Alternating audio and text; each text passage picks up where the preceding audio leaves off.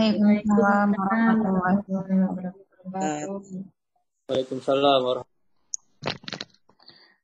Bismillahirrahmanirrahim. Alhamdulillahi rabbil alamin. Wassalatu wassalamu ala ashrafil anbiya'i wal mursalin. Sayyidina wa maulana Muhammadin wa ala alihi wa sahbihi ajma'in. Subhanaka la ilma lana illa ma 'allamtana innaka antal alimul hakim. La haula wa la quwwata illa billahil aliyyil azim amma ba'du. Qala al-musannif rahimahullahu ta'ala anhu wa nafa'ana bihi wa bi'ulumihi fid dharain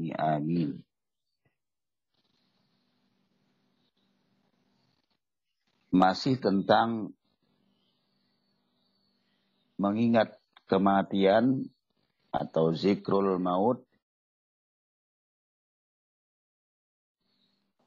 wama ba'daha dan apa yang terjadi sesudah kematian. Berkata Imam Ghazali dalam kitab Al-Mursyidul Amin bahwasanya Al-Barra bin Azib meriwayatkan atau mengatakan kami pernah bersama dengan Rasulullah Shallallahu Alaihi Wasallam mensolati jenazah salah seorang sahabat dari Ansor atau dari Madinah yang menyambut Rasulullah ketika hijrah sehingga digelari kaum Ansor.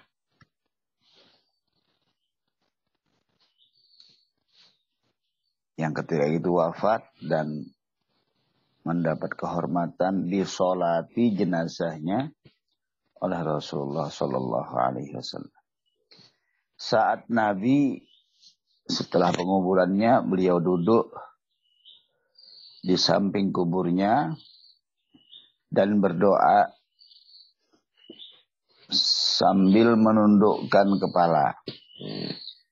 Doa beliau adalah Allahumma inni a'udzubika min azabil qabri.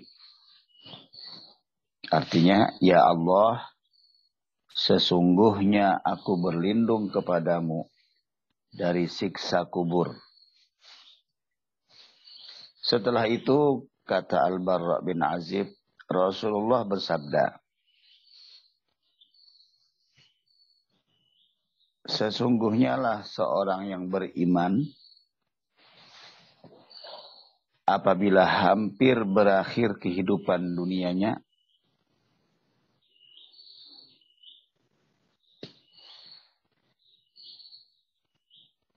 dia akan mulai memasuki kehidupan akhiratnya. Allah Subhanahu wa taala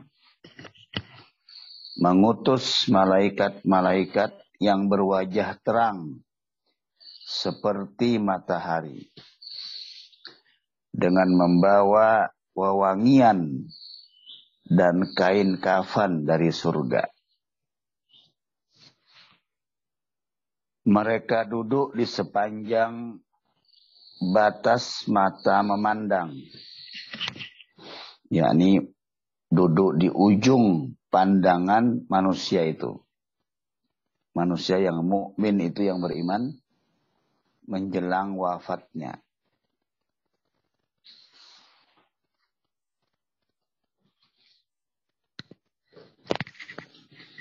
Lalu ketika rohnya sudah keluar dari tubuhnya, maka setiap malaikat yang ada di antara langit dan bumi juga yang ada di langit mendoakan orang yang beriman itu dan pintu-pintu langit pun dibuka. Tidak ada satupun dari pintu-pintu langit itu kecuali setiap penjaganya senang ketika rohnya itu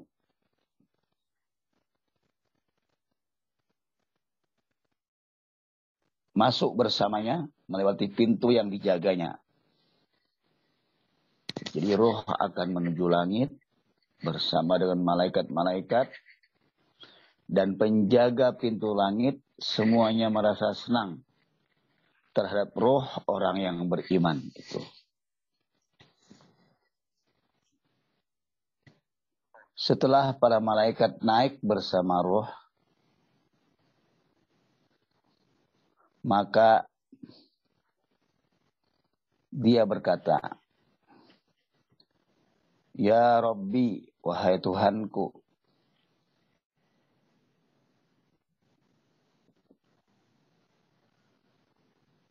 hambamu ini telah datang menghadapmu. Lalu Allah berfirman kepada para malaikat, Kembalikanlah ruh ini ke bumi.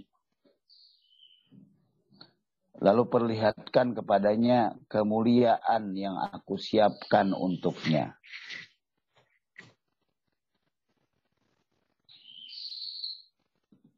Sesungguhnya aku telah berjanji kepadanya. Minha khalaqnakum wa fiha nu'idukum wa minha nukhrijukum taratan ukhra. Darinya kami menciptakan menciptakan kalian ke dalamnya kami akan mengembalikan kalian dan darinya pula kami akan mengeluarkan kalian untuk yang kedua kali. Yang dimaksudkan adalah dari tanah Allah menciptakan manusia, ke dalam tanah Allah akan mengembalikan manusia, dan Allah akan mengeluarkan manusia dari tanah itu pula untuk dibangkitkan menuju alam akhirat yaitu di padang mahsyar. Ini disebutkan dalam surat Toha, surat ke-20, ayat ke-55. Lalu Nabi Shallallahu Alaihi Wasallam menyebutkan roh itu mendengar suara sandal sahabat-sahabatnya. Saat mereka pulang meninggalkan kuburannya. Di roh itu mendengar langkah kaki. Setelah itu datanglah dua malaikat yang akan bertanya kepadanya. Pertanyaan mereka adalah, buka Siapa Tuhanmu? Wa dinuka apa agamamu? Wa man nabiyyuka dan siapa nabimu? Maka roh itu akan menjawab, Allahu Rabbi, Tuhanku adalah Allah. Wal Islamu dini, agama Islam adalah agamaku. Wa Muhammadun nabiyyi dan Muhammad adalah nabiku. Demikianlah kedua malaikat itu menggertaknya dengan keras. Atau kedua malaikat itu bertanya dengan nada yang keras. Dan inilah ujian terakhir yang dialami oleh seorang mukmin. Maka ketika dia mengucapkan jawaban itu, Kata Rasulullah, terdengarlah suara yang memanggil kepadanya.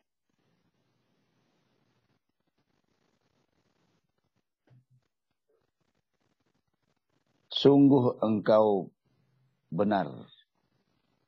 Dan inilah pengertian dari firman Allah yang artinya Allah akan menetapkan orang-orang yang beriman dengan perkataan yang tetap di dalam kehidupan dunia dan dalam kehidupan akhirat. Yusabbitullahu allazina amanu bil qawli sabiti fil hayati dunya wa fil akhirah. Ini terdapat dalam surat Ibrahim, surat ke-14, ayat ke-27. Kemudian datanglah seorang yang berwajah rupawan,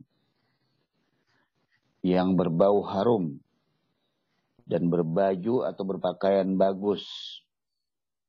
Dan ia berkata, Bergembiralah dengan rahmat dari Tuhanmu. Dan dengan surga-surga yang telah disediakan untuk mereka yang di dalamnya berisi kenikmatan yang kekal.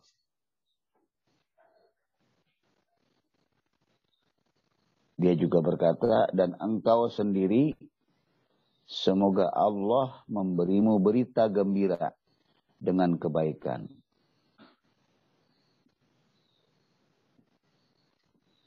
Kemudian roh itu bertanya, siapakah engkau? Maka Manusia yang rupawan ini menjawab, Aku adalah amal solehmu. Demi Allah, aku tidak pernah tahu tentang dirimu, kecuali engkau segera taat kepada Allah dan engkau ataupun engkau lambat berbuat maksiat sehingga Allah akan memberimu balasan kebaikan.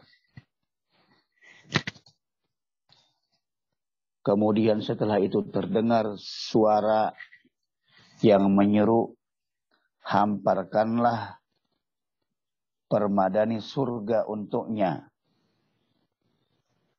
Bukalah satu pintu menuju surga untuknya.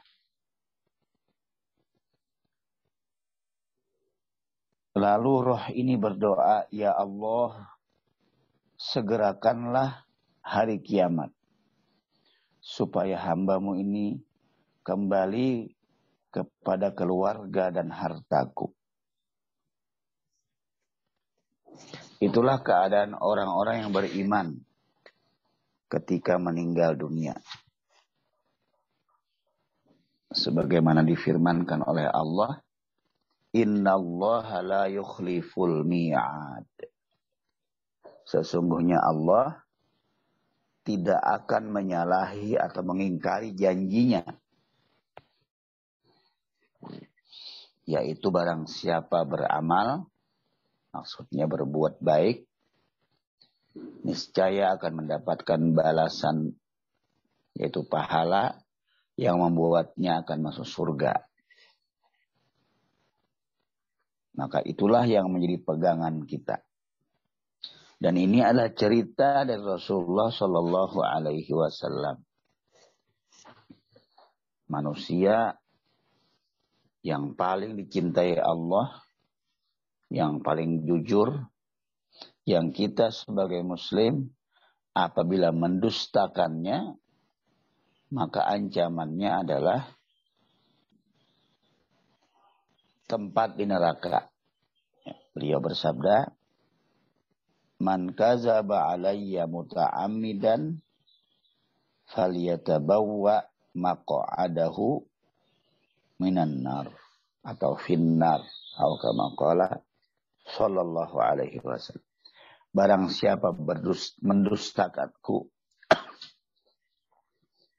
atau berdusta atas namaku, hendaknya bersiap-siap tempatnya di neraka.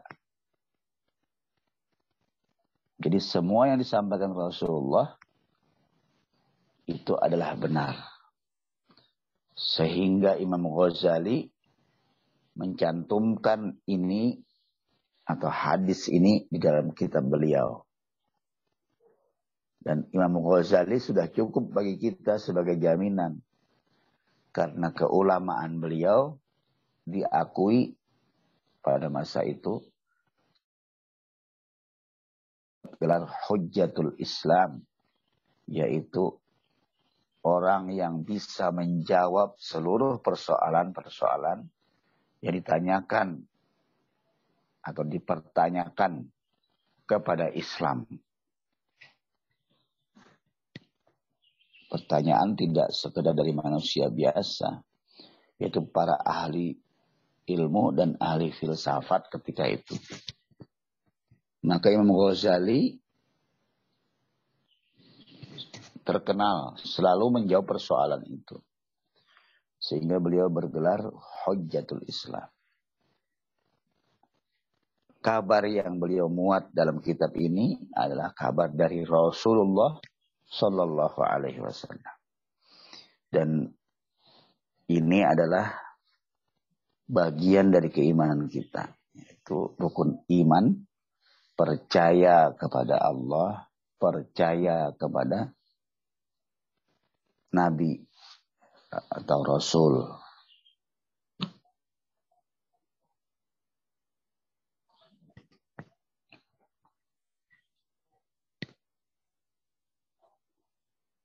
Sedangkan orang-orang kafir yang menentang Allah dan berbuat kemaksiatan yang dilarang oleh Allah, ketika mereka berada di kehidupan akhirat atau di penghujung kehidupan dunianya, ketika itu turunlah malaikat-malaikat yang kasar, berbaju api, dan berjubah tembaga yang meleleh. Maka keadaan malaikat itu akan membuat si manusia di akhir kehidupannya menjadi gelisah.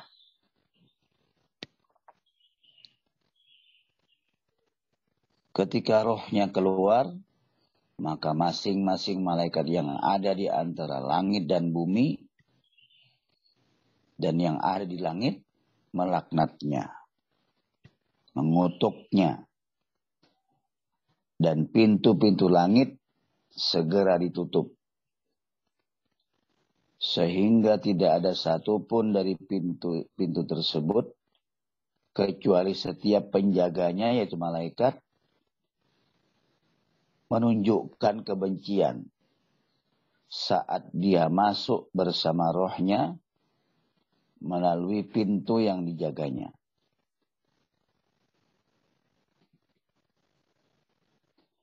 Setelah naik bersama rohnya, si orang kafir ini si ahli maksiat ini akan dilempar.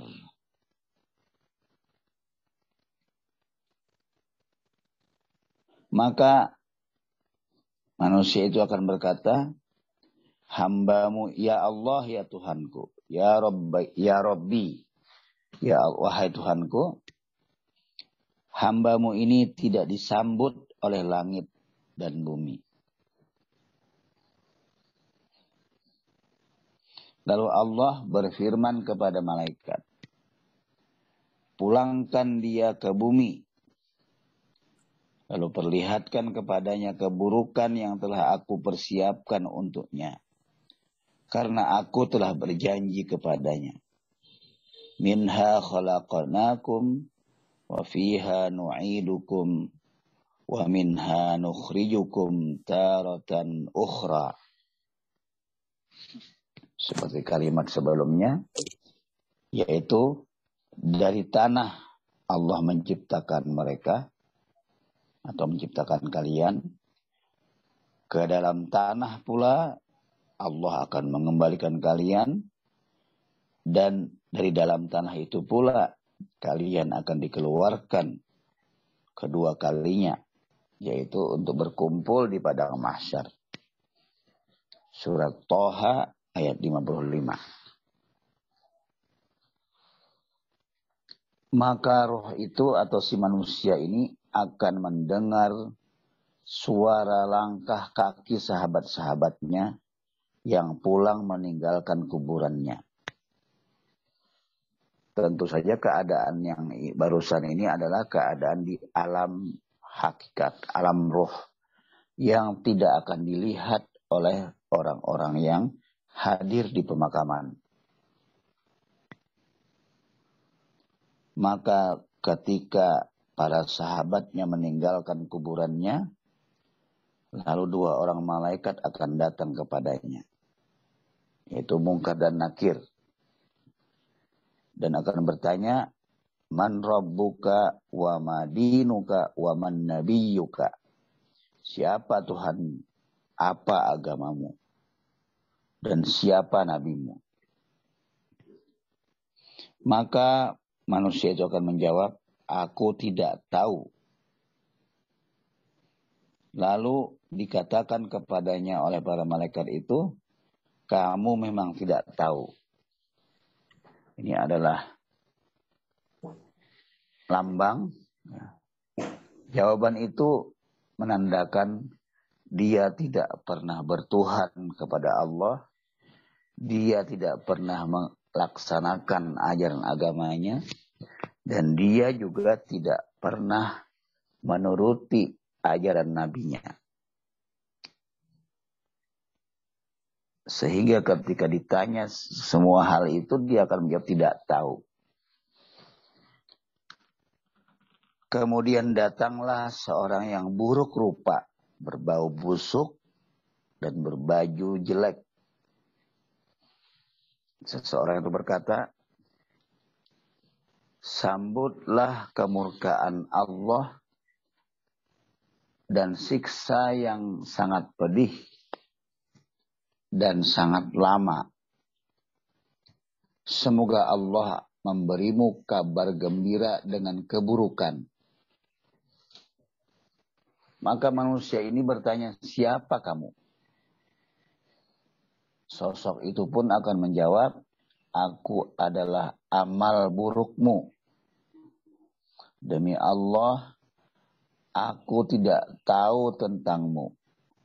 Selain engkau selalu cepat atau segera dalam kemaksiatan dan selalu berlambat-lambat dalam ketaatan. Sehingga Allah akan membalasmu dengan balasan keburukan. Lalu dia juga berkata,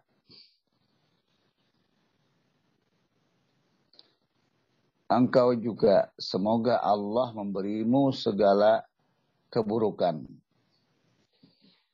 Dia malah marah dan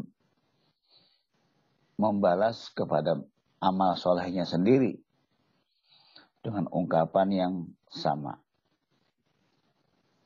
Maksudnya kepada amalnya sendiri yang diwujudkan manusia itu.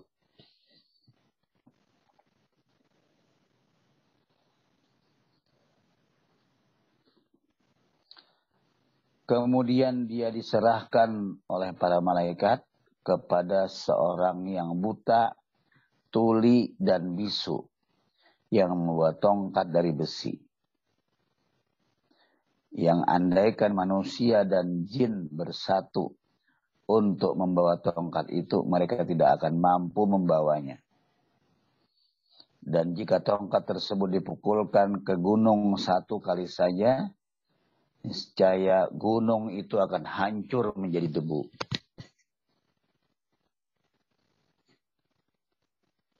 Lalu rohnya dikembalikan ke dalam tubuhnya. Dan orang itu memukulnya dengan tongkat besi dengan satu pukulan. Yang bisa didengar oleh seluruh makhluk yang ada di bumi. Kecuali jin dan manusia yang tidak bisa mendengarnya malaikat ini yang tukang azab eh, di kubur.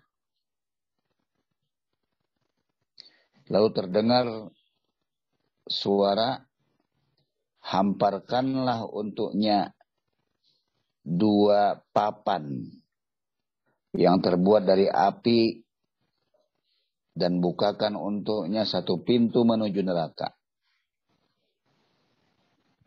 Lalu dua papan yang terbuat dari api itu dihamparkan dan pintu menuju neraka dibuka untuknya. Itulah keadaan orang-orang yang menentang Allah, tidak menuruti perintah Allah dan Rasulnya.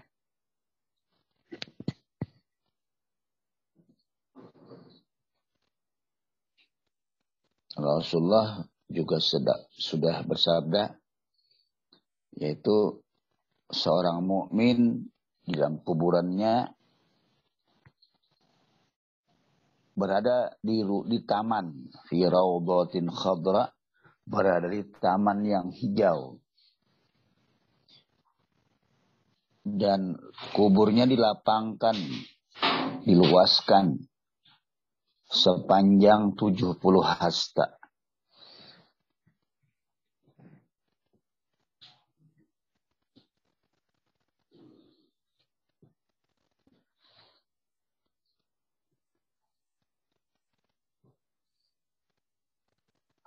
dan kuburnya akan terang bersinar dengan terang dengan sinar seperti sinar bulan di waktu purnama.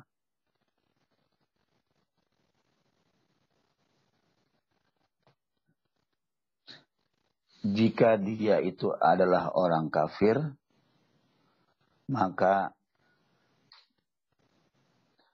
akan mendapatkan azab kubur. Salah satunya adalah diberi azab berupa didatangkan makhluk tanin. Yang kata Rasulullah, tanin itu adalah sebutan untuk 99 ular. Setiap ular punya tujuh kepala. Sab'u ru'usin yang akan menggigitnya akan menyemburkan bisa kepadanya.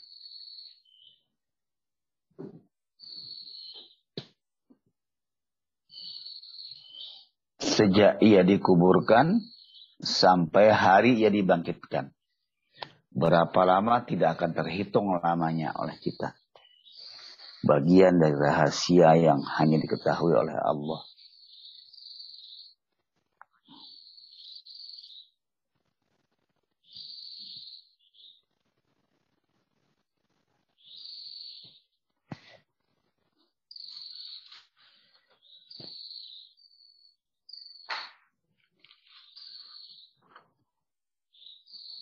Itulah gambaran ahli kubur. Baik yang beriman maupun yang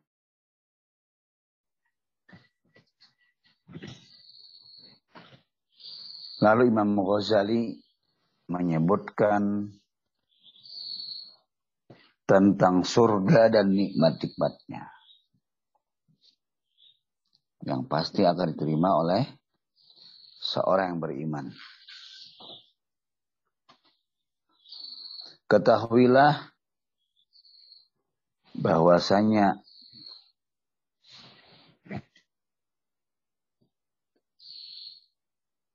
surga atau salah satu surga bernama Darul Qarar atau negeri keabadian. Seorang hamba yang akan tiba di akhirat menurut kadar kemampuannya menjauhi neraka atau mendekati surga. Dengan keimanannya dia akan mendekati surga dan juga akan menjauhi neraka. Ingatlah neraka adalah sesuatu yang akan membuat rasa takut maka engkau akan mengingat-ingatnya menghasilkan dan menghasilkan rasa takut di hatimu ketika di dunia. Dan ingatlah juga surga, karena surga itu akan memberi harapan ke dalam hatimu. Di saat kamu khawatir, apabila dirimu putus harapan karena dosa-dosa yang banyak, karena ketakutan yang karena panik eh, yang sudah menguasai hati. Ini nasihat yang sangat bermanfaat dari Imam Ghazali. Saat kita merasa banyak dosa, saat kita khawatir nasib kita kelak bagaimana, maka ingatlah kenikmatan surga. Salah satu terapi ini. Supaya ada harapan yang bisa mengalahkan kepanikan kita. Termasuk pada saat sekarang. Semua orang menderita panik ya, menghadapi wabah. Maka yang diingat yang nikmat-nikmat dari Allah itu akan membesarkan harapan. Dan pasti itu akan meningkatkan atau menguatkan imunitas.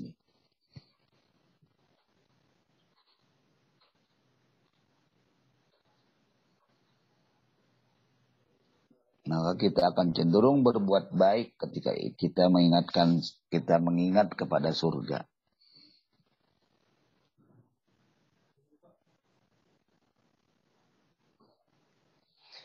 Kata Imam Ghazali, beberapa hadis menunjukkan bahwa salah satu kenikmatan surga adalah yang ter, yang terutama adalah diberi kesempatan untuk melihat Allah Subhanahu wa taala merupakan kenikmatan yang tertinggi di surga.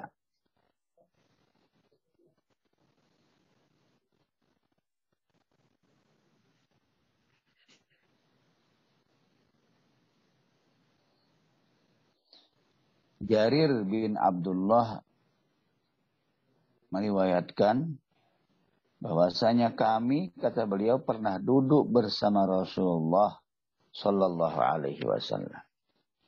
Kemudian beliau ketika itu memandang ke arah bulan yang sedang purnama. Lalu kemudian beliau bersabda, Innakum satarawna rabbakum. Kama tarawna hazal qamara. Sungguhnya kalian akan melihat Tuhan kalian di surga kelak sebagaimana kalian melihat bulan itu sangat jelas terang.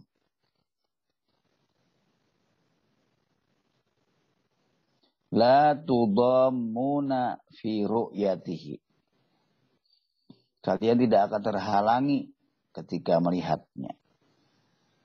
Fa in istata'tum alla tughlabu ala salatin qabla tulu'i syamsi wa qabla al-ghurubi faf'alu. Maka jika kalian mampu untuk tidak meninggalkan sholat sebelum terbit matahari, yaitu sholat subuh, dan sebelum terbenamnya matahari, yaitu sholat asar, maka lakukanlah, kata beliau. Jadi salah satu fadilah, sholat subuh dan sholat asar, dikerjakan pada waktunya atau tepat waktu, salah satu fadilahnya adalah akan masuk surga dan di, diberi kesempatan melihat wajah Allah atau diberi kesempatan menikmati hadiah terbesar di surga nanti. Jadi sangat harus kita pelihara. Jangan sampai kita terlambat salat subuh. Selalu kita berusaha untuk tepat waktu.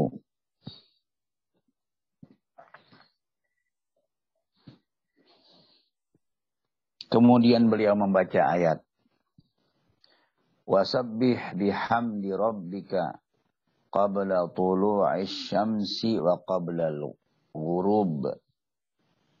Dan bertasbihlah kamu sambil memuji Tuhanmu sebelum terbit matahari dan sebelum terbenamnya. Ya, surat Qaf, surat Qaf dalam Al-Quran, surat ke-50 ayat 39. Saya kira ini dulu yang saya bacakan pada kesempatan kali ini nih. Sengaja saya dahulukan tentang surga supaya lebih memberi harapan kepada kita. Demikian